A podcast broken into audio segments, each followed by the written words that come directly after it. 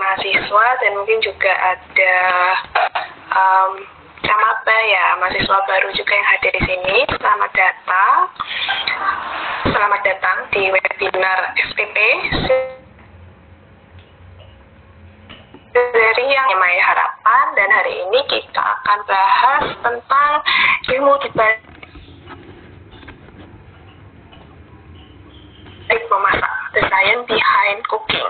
Dua, yaitu ada Burika dan juga Bu Laksmi. Oh iya, saya lupa memperkenalkan diri ya, mungkin buat yang belum tahu dengan saya juga, nama saya Meliana, biasa dipanggil Bu Mei.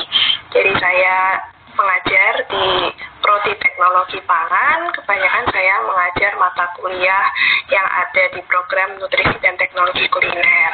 Saat ini yang tampil cantik hari ini ada Budika. Budika Pratiwi ini juga dosen uh, dari Teknologi Pangan, sekaligus juga uh, Ketua Program Studi S1 dan juga S2 di uh, Teknologi Pangan Unika. Halo Bu Rika. Selamat sore Bu Mai. Halo semuanya. Ya. Oke. Um, mungkin saya bisa minta tolong Bu Rika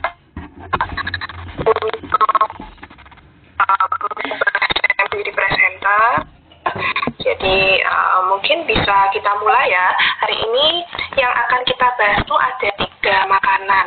Untuk yang pertama kita akan bahas soal mochi ya, Bu Rika.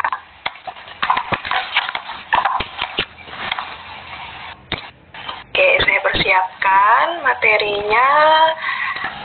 Mungkin silahkan Bu Rika bisa Baik, selamat sore semuanya. Terima kasih Bu Mai sudah mengantarkan acara sore hari ini. Hari ini cuacanya cerah sekali. Ini rumah saya di Ularan. Panas sih, tetapi anginnya banyak gitu ya. Baik, eh, karena waktunya sangat singkat dan eh, kita akan membahas tiga produk pangan gitu ya. Tiga makanan yang sebenarnya sering kita santap atau bukan sesuatu yang uh, asing bagi kita semua. Karena uh, tiga makanan ini juga sering kita temui terutama untuk anak-anak muda ini ya. Ini para pesertanya saya yakin ini umurnya nggak ada separuhnya dari saya Bu Mai kalaupun ada mungkin sedikit mama-mamanya yang ikut begitu. Ini khusus untuk anak SMA untuk dan calon mahasiswa begitu dan juga mahasiswa. Tetapi banyak yang mahasiswa dan dari pangan rasanya mungkin kangen sama dosennya ini. Baik ya mochi e, kita sering mendengar mochi dan menyantapnya. Bisa terbayang rasanya kalau di sini ada warna coklat karena pada umumnya ada isinya warnanya coklat gitu ya. Nah, kita anggap sesuatu yang makanan seperti sesuatu yang lengket, sesuatu yang lembut gitu ya. Coba lihat Bu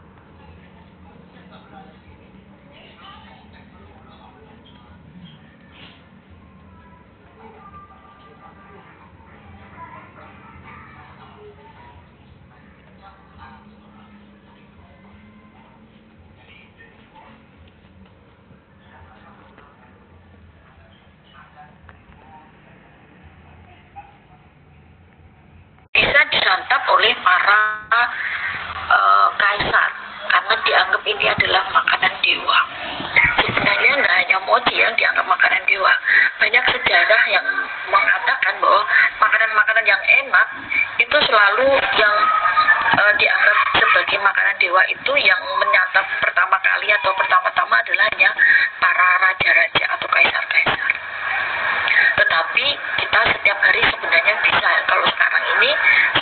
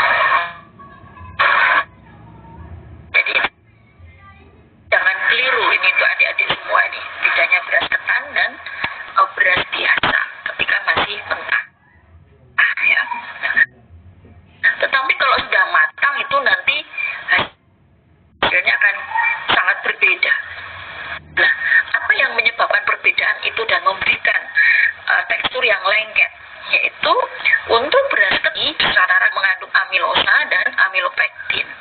Nah, tetapi untuk beras ketan ini hampir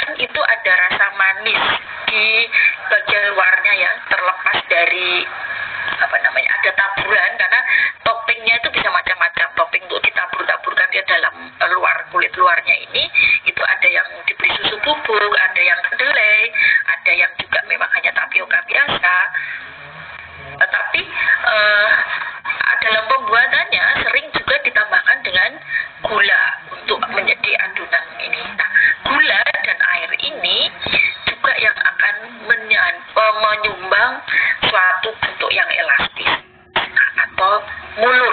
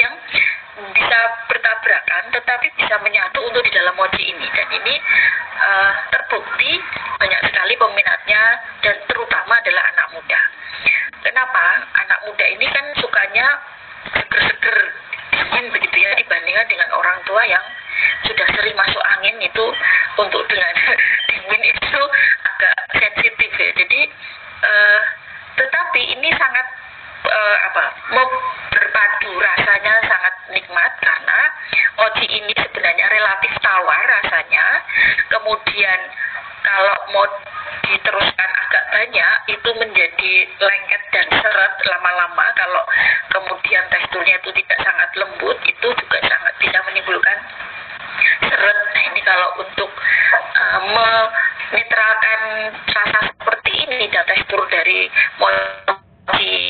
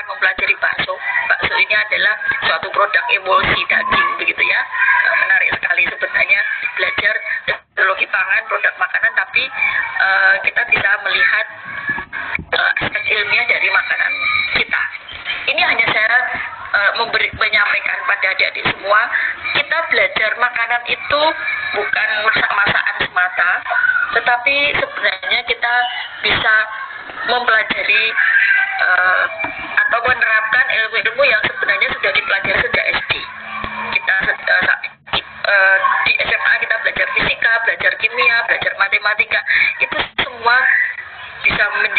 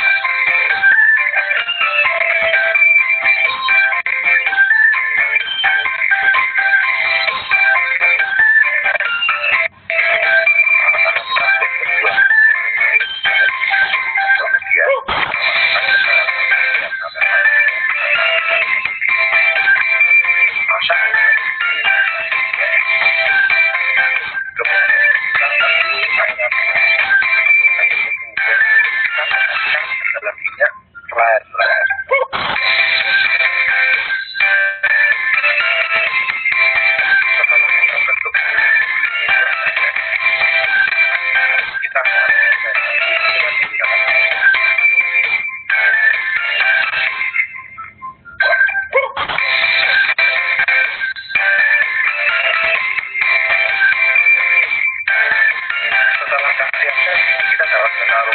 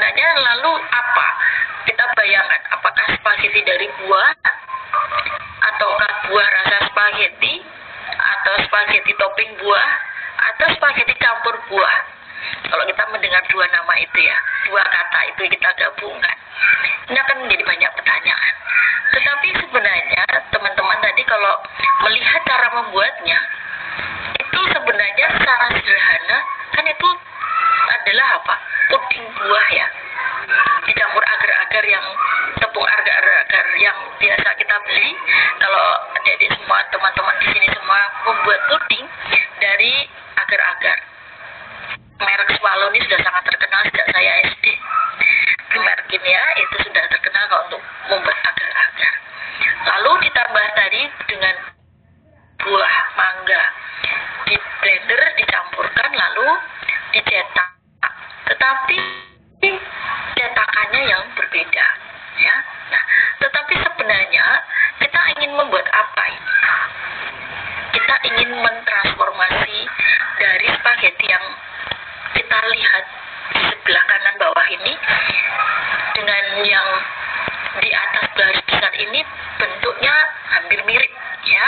Warna kuningnya sama.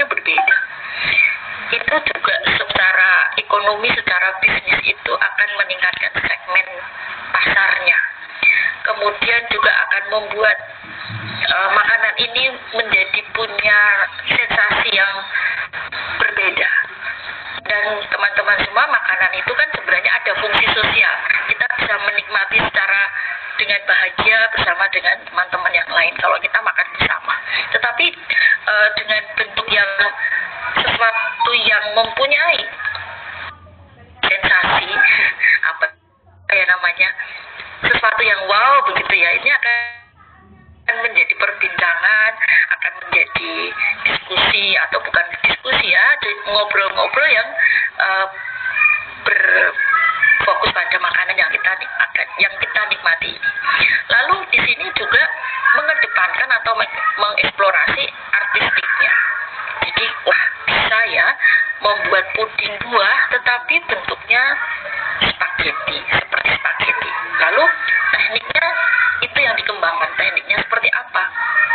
Dengan tadi dengan cara dimasukkan ke dalam pipet yang ditemukan atau disambungkan dengan selang gitu ya. Sehingga itu bisa dimasukkan ke situ. Nah, tetapi di sini teman-teman ada yang perlu kita ketahui. Lalu mau membentuk bentuk seperti itu dari apa yang bisa digunakan uh, untuk membuat spaghetti atau membuat puding dengan bentuk seperti spaghetti yang panjang? Karena kalau kita membuat spaghetti eh membuat puding biasa kan biasanya cetakan puding itu sudah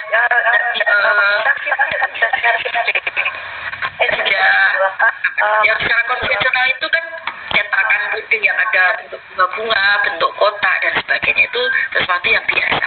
Tetapi di sini ingin menampilkan mengeksplorasi art, art dari puding itu dengan cara uh, menggunakan teknik yang berbeda. Tetapi bahannya tetap sama. Nah, kita tahu agar-agar ini teman-teman dibuatnya dari apa? Dari rumput laut kalau kalau kita tanya pada orang lain biasanya rumput laut. Tetapi rumput laut ini banyak jenisnya. Ya. Khusus agar-agar ini dari jelidium dan brasilaria. Nah, cara ekstraksinya bisa dipelajari. Uh, Bu Mei minta tolong cara ekstraksinya.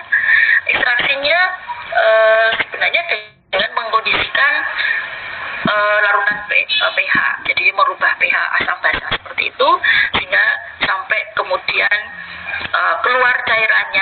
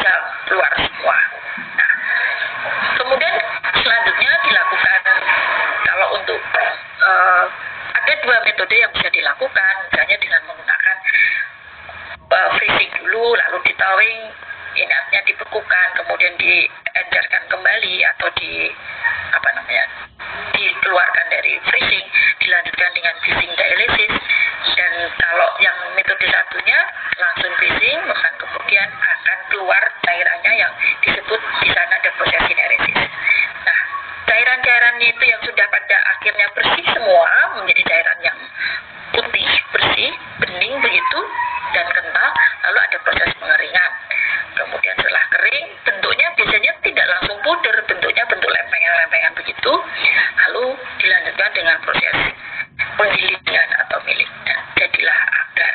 Nah agar ini mempunyai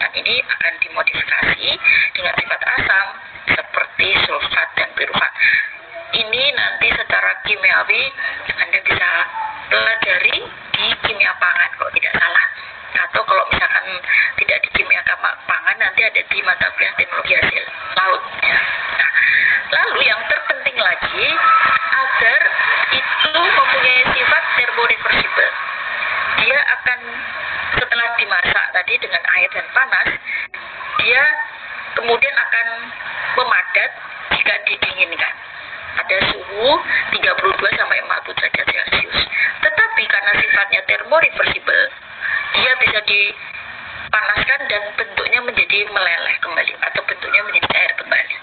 Ini bedanya dengan kalau kita membuat puding dari karagenan atau alginat. Ya, tetapi yang sering digunakan untuk membuat puding dalam apa produk komersial adalah agar-agar dan karagenan karena agar-agar lebih murah harganya karena sifatnya termoreversible. Nah, sifat termoreversible ini uh, bisa dikatakan sesuatu yang tidak establis karena jika suhunya berubah maka dia akan merubah secara fisik. Sehingga akan menjadi lebih cair atau lebih lembek dan kemudian akan memadat kembali. Dan sifat yang bisa bolak-balik di sini ini uh, kadang-kala menjadi suatu produk yang kualitasnya kurang baik secara industri. Tapi kalau misalkan di rumah ya tidak masalah karena akan segera habis pudingnya dimakan. Ini saya kira tadi sudah saya sampaikan sebenarnya beberapa agar sendiri itu uh, ya tidak larut dalam air dingin dia akan menjadi uh, meleleh kembali pada suhu di atas 85 tetapi juga dia tidak akan mencair atau lebih memadat di bawah suhu 85 jadi tadi ketika membuat spaghetti agar-agar yang tadi sudah direbus diberi uh, blender dari buah lalu dimasukkan ke dalam selang selangnya ini perlu dimasukkan ke dalam air supaya lebih cepat memadat. Ya lebih cepat um, membentuk apa namanya tekstur yang lebih solid. Tetapi tidak padat sangat bantu karena dia tetap akan mempunyai uh, karakteristik yang lembut dan tetap ada airnya. Nah manfaat dari agar sebenarnya bukan hanya untuk puding tetapi di dalam industri bisa digunakan untuk bahan stabil atau emulsi dan banyak juga digunakan untuk produk-produk konvensional atau permen. Saya tidak tahu nanti yang membuat permen apakah juga menggunakan agar-agar. Tetapi mungkin bulan akan bisa menjelaskan lebih lanjut kalau permen dengan ditambah agar-agar. Dan selanjutnya agar juga bisa digunakan untuk produk-produk atau industri farmasi, kosmetik, dan sebagainya. Tetapi agar ini adalah tetap edible atau tetap aman dikonsumsi. Nah, sumber dari agar itu hanya ada dua rumput laut, yaitu jenis Gracilaria dan Jadi tidak sembarang rumput laut bisa digunakan untuk mengekstraksi mengeluarkan agar-agar. Begitu saya kira yang untuk agar-agar yang untuk membuat fruit spaghetti. Jadi itu sepertinya puding buah bentuk spaghetti ya. Tetapi ya. keren fruit spaghetti. Terima kasih. Ya, baik. Terima kasih banyak untuk pemaparannya Bu Rika. Wah, ini um, asik banget ya. Saya pribadi belum pernah coba sih Bu, spaghetti buah. Ngelihatnya dari foto aja atau video aja. Entah teman-teman di sini seperti apa pengalamannya. Jangan-jangan sudah ada nih yang pernah makan spaghetti buah ya. Tapi yang pasti ini bisa dipelajari dan kalau misalnya terutama untuk camaba ya atau yang ada yang masih SMA di sini, uh, itu yang akan biasanya kita pelajari kalau di teknologi pangan gitu. Jadi ya segala sesuatu yang berhubungan dengan ilmu pangan, teknologinya itu memang menarik sekali. Baik, uh, sekarang kita lanjut ke topik uh, berikutnya. Jadi ada Bu Lakshmi, saya mau tes dulu apakah Bu Lakshmi sudah masuk suaranya?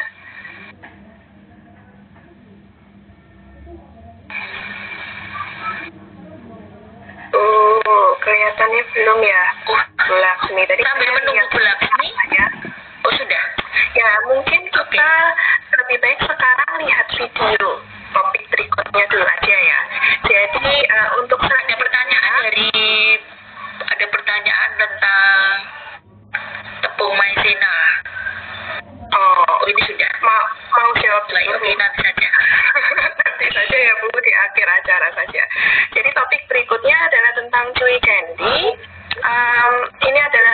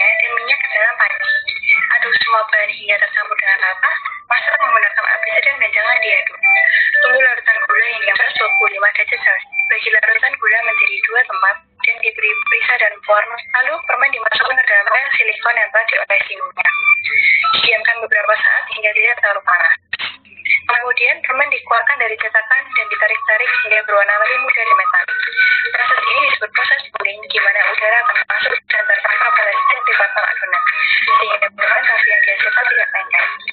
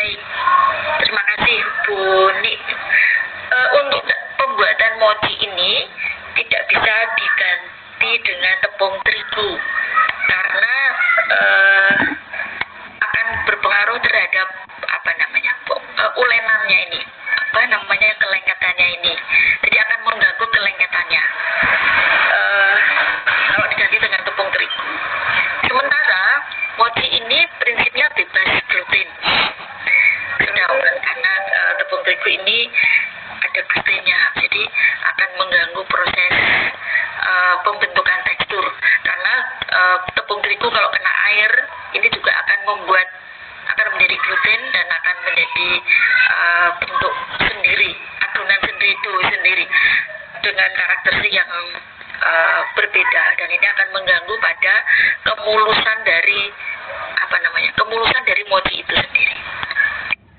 Kemudian ya itu uh, yang uh, fungsinya. Kalau uh, fungsinya ini adalah uh, sedikit mengurangi amilopektin yang ada di keteras dan uh, maizena ini dia sama-sama pati. Sementara kalau yang tadi tepung terigu tepung terigu itu bukan pati sifatnya ya mengganggu ke kelenturan dari uh, si, si tepung Oh. si adonan Halo. ya halo Bu Laksmi selamat datang sudah bisa masuk ini Bu Laksmi mau presentasi mau diselingi presentasi sementara saya menjawab Buni itu dulu fungsinya itu oke silakan Baik, silahkan Bu Laksmi. Terima kasih ya Bu Rika. Jadi kita sudah menjawab satu pertanyaan. Um, mungkin kalau ini Bu Laksmi paling tidak bisa masuk suaranya supaya kita belajar tentang uh, candy.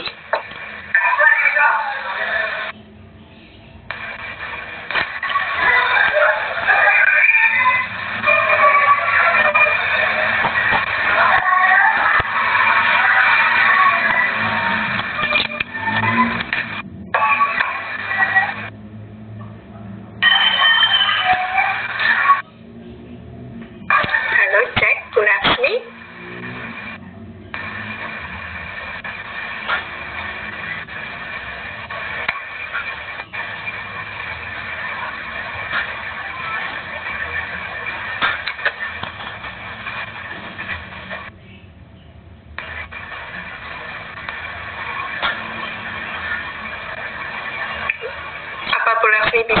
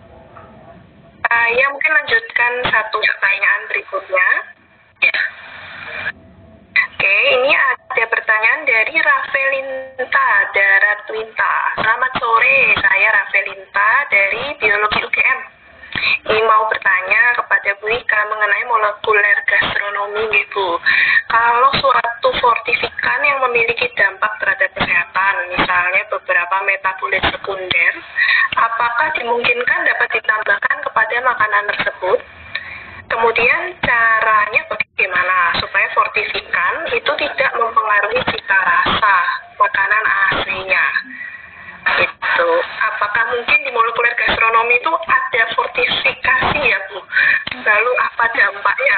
Ke produk mungkin gitu ya maksudnya. Nah ini Mbak siapa tadi namanya? Rafelinta. Rafelinta. Oke Mbak Rafelinta. Ini uh, nanti masuk S2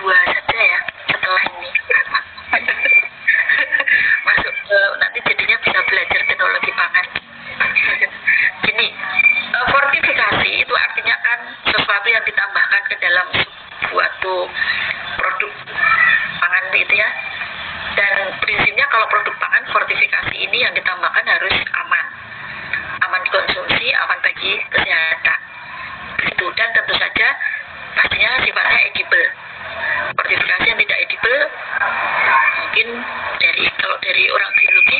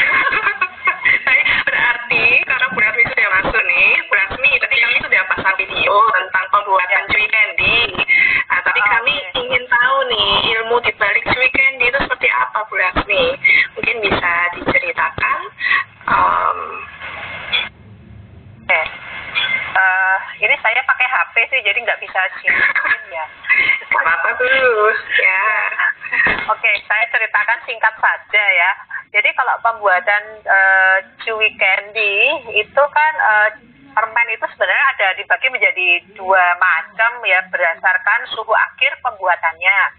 Nah, pada chewy candy ini eh, pada proses pemasakan gula dan glukos itu dimasak sampai suhu 116 sampai 128 derajat Celcius. Nah, itu maka disebut uh, low, low cuy candy kan ter- tergolong low boil candy ya. Jadi uh, suhunya segitu beda dengan kalau hard candy bisa sampai 150 derajat Celcius. Jadi nanti kalau cuy candy karena dimasak sa- pada suhu 116 sampai 128 itu nanti teksturnya lunak ya, lunak teksturnya. Nah, kenapa lunak teksturnya? Karena dia mengandung air dalam jumlah yang cukup banyak, yaitu antara 4 sampai 10 persen. Jadi tergantung dari suhu akhir pemasakannya.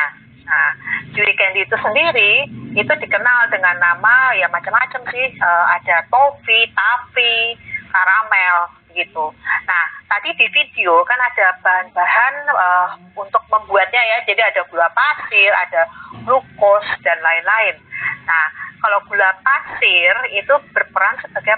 Sebagai pengisi ya, sebagai filler dalam pembuatan uh, chewy candy ya. Jadi sebagai pengisi nanti eh, kalau kita membuat kalau bagaimana kalau misalnya mau bikin permen ya chewy candy yang sugar free bisa ya. Jadi fillernya diganti ya, misalnya dengan uh, maltitol ya, dengan maltitol bisa kita ganti.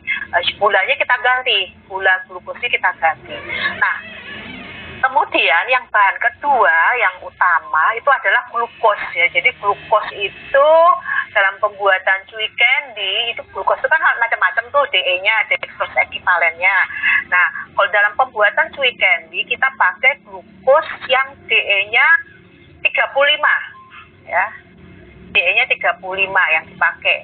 Nah, kemudian mengapa ya kita harus memakai gula dan glukos ya dalam pembuatannya? Karena apa? Karena e, kalau gula itu kan dimasak sampai suhu 100 e, 128 misalnya maksimal 128.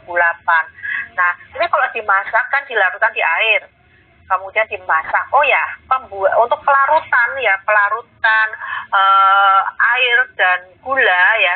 Jadi untuk melarutkan gula itu dibutuhkan air. Berapa airnya? Itu ada rumusnya. Ya, ada rumusnya ya, jadi sekalian. Nah, rumusnya bagaimana? Jadi sepertiga dari gula. Ya, jadi air sepertiga dari gula. Nah, e, misalnya kalau gulanya itu adalah 300 gram di dalam formula, airnya itu maksimal itu adalah 100 ya, 100 gram ya, gitu. Jadi dia melarutkan melarutkan gula. Nah, gula itu harus terlarut sempurna, ya, terlarut sempurna. Karena bila tidak sempurna terlarutnya, maka akan uh, timbul apa? Timbul rekristalisasi. Jadi uh, permennya itu berasa kasar, berasa uh, kasar di lidah kan nggak nggak dikehendaki ya. Nah uh, kemudian uh, glukos ya, glukos itu ya Nah, tujuannya apa? Penambahan glukos di dalam larutan gula yang dimasak itu. Nah, kalau gula dimasak sendiri tanpa glukos nanti akan timbul kristal, terjadi rekristalisasi sukrosanya. Nah, nah maka ditambahkan glukos supaya apa? Tidak terjadi eh, rekristalisasinya bisa dikontrol ya, dikontrol supaya tidak ada akan timbul uh, kristal-kristal gula. Nah, selain itu glukos itu memberikan apa? viskositas pada masa kembang gula. Nah, kalau viskos sehingga dia lebih mudah untuk diolah gitu. Nah, kemudian e, berapa jumlahnya ya e, perbandingan gula dan glukosnya berapa? Nah, ini e, gulanya misalnya satu ya 100, glukosnya adalah berapa? 125. Jadi glukosnya itu lebih banyak dibandingkan gula. Nah, bisa juga uh, rasio gula glukosnya itu ditingkatkan sampai satu banding satu setengah. Jadi misalnya gulanya itu 100, uh, glukosnya adalah uh, 150 gitu. Nah, kemudian ada oke, okay, kemudian ada ini apa? Tadi kan ada ditambahkan uh, apa? Tadi maizena ya, ditambahkan tepung maizena ya. Nah, tepung maizena itu gunanya untuk apa? Nah, tepung maizena itu gunanya untuk ini nih. Bentar, saya. Nah, nah tepung maizena itu atau cornstarch itu penambahannya guna untuk untuk memberikan uh, tekstur yang smooth ya, yang halus ya, jadi tidak keras begitu. Nah, kemudian uh, kemudian uh, nah dalam pembuatan uh, topi tadi kan ada tahap ditarik-tarik kan ditarik-tarik sampai mulur atau sering disebut dengan nama dipuling ya dipuling ditarik jadi kita menambahkan uh, memasukkan apa memasukkan uh, udara ke dalam masa kembang gula ya kita masukkan udara. Nah pada tahap puling ini ya uh, suhu kembang gula itu turun ya tadi kan dimasak sampai misalnya sampai 128 derajat Celcius, lalu turun suhunya. Nah, pada saat jadi pada saat cooling dan cooling ya, jadi ini uh, didinginkan, kemudian ditarik-tarik ya, ditarik-tarik uh, dengan uh, tangan ataupun dengan uh, alat gitu. Nah, tadi kan ada alatnya ya, ditarik-tarik dengan tangan ya. Nah, itu suhunya turun dari uh, dari 90 menjadi 60 ya. 90 menjadi 60 nah pada saat penarikan itu ya kita tambahkan flavor ya kita tambahkan flavor kita tambahkan asam gitu. Nah dengan proses pooling ya. Dengan proses pooling ini uh, uh, akan membuat warna apa ya warna tofinya itu menjadi lebih uh, terang dan lebih uh, cuy ya. Lebih terang dan lebih cuy sehingga apa pada saat dia lebih uh, lebih cuy itu sehingga dia pada saat dipotong ya. Pada saat dia dipotong atau digigit itu tidak membuat apa tidak lengket ya. Tidak lengket begitu uh, nah proses uh, pooling itu berapa lama? Ya proses pooling kira-kira ya sekitar 10 menit ya. Ditarik-tarik sekitar 10 menit. Nah cukup poolingnya. Nah kemudian uh, dilanjutkan dengan dipotong ya. Dilanjutkan dengan di, dipotong uh, dibentuk atau dipotong lalu dibungkus ya dibungkus. Gitu. Nah kemudian tadi ada uh, ada tadi ditambah ah ini Ah, ini tadi kan uh, kalau diingat yang dalam pembuatan uh, apa itu uh, permen ya, uh, baik hard candy maupun uh, low uh, apa pun low grade candy. Nah, ini uh, pada saat kita membuat uh, membuat melarutkan gula glukos ya, harus diingat tidak boleh diaduk terus ya, tidak boleh diaduk terus. Diaduk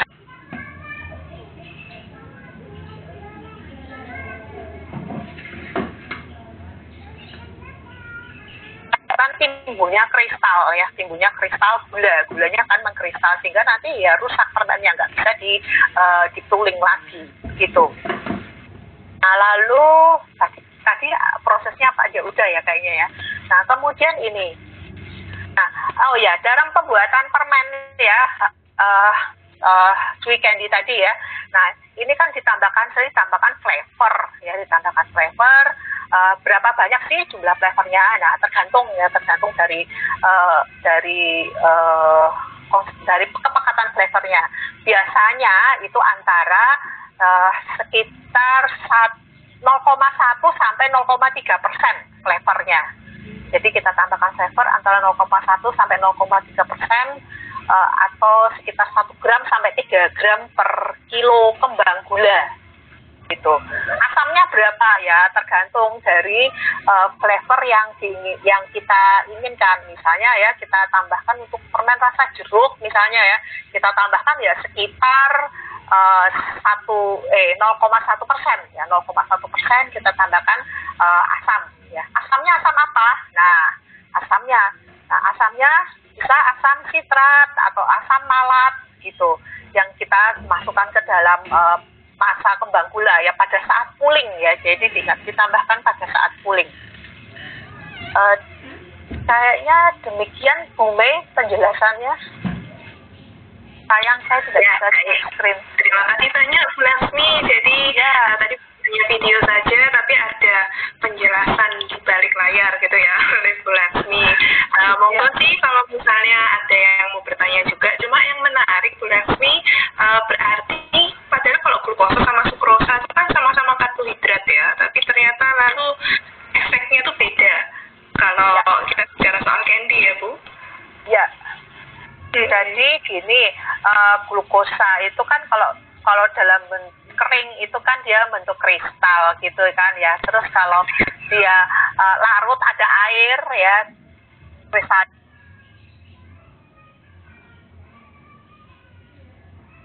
Ya nanti kualitasnya lagi dia akan mengkristal. Nah hmm. untuk menghindari molekul-molekul sukrosa itu saling menggabung membentuk kristal nah itu ditambahkan glukosa ya. Oke oke Bu, mantap Bu. Baik, uh, ini juga terima kasih Bu Rika di chat juga sudah menjawab dua pertanyaan ya yang tadi belum sempat terjawab tentang apakah tepung tapioka bisa diganti dengan tepung lainnya seperti tepung sagu atau maizena. Sudah dijawab, semoga cukup jelas ya. Jadi pada prinsipnya bisa, tapi memang harus dipertimbangkan rasio atau perbandingan jumlah tepungnya. Kemudian juga ada pertanyaan apakah mochi bisa diisi dengan bahan yang sehat seperti buah? Bisa sekali ya. Jadi isinya sih macam-macam, tapi pada prinsipnya isi sebaiknya tidak mengganggu tekstur kulitnya, makanya isi mochi itu sebaiknya kadar air yang rendah. Ini saya bacakan ulang ya, Burika. Oke, uh, nggak terasa sih ini ternyata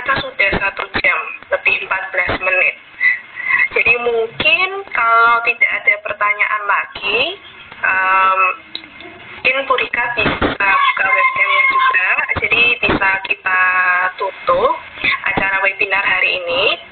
Terima kasih sekali kepada Bu Rika dan Bu Lasmi yang sudah menjelaskan uh, ilmu di balik uh, pembuatan makanan atau memasak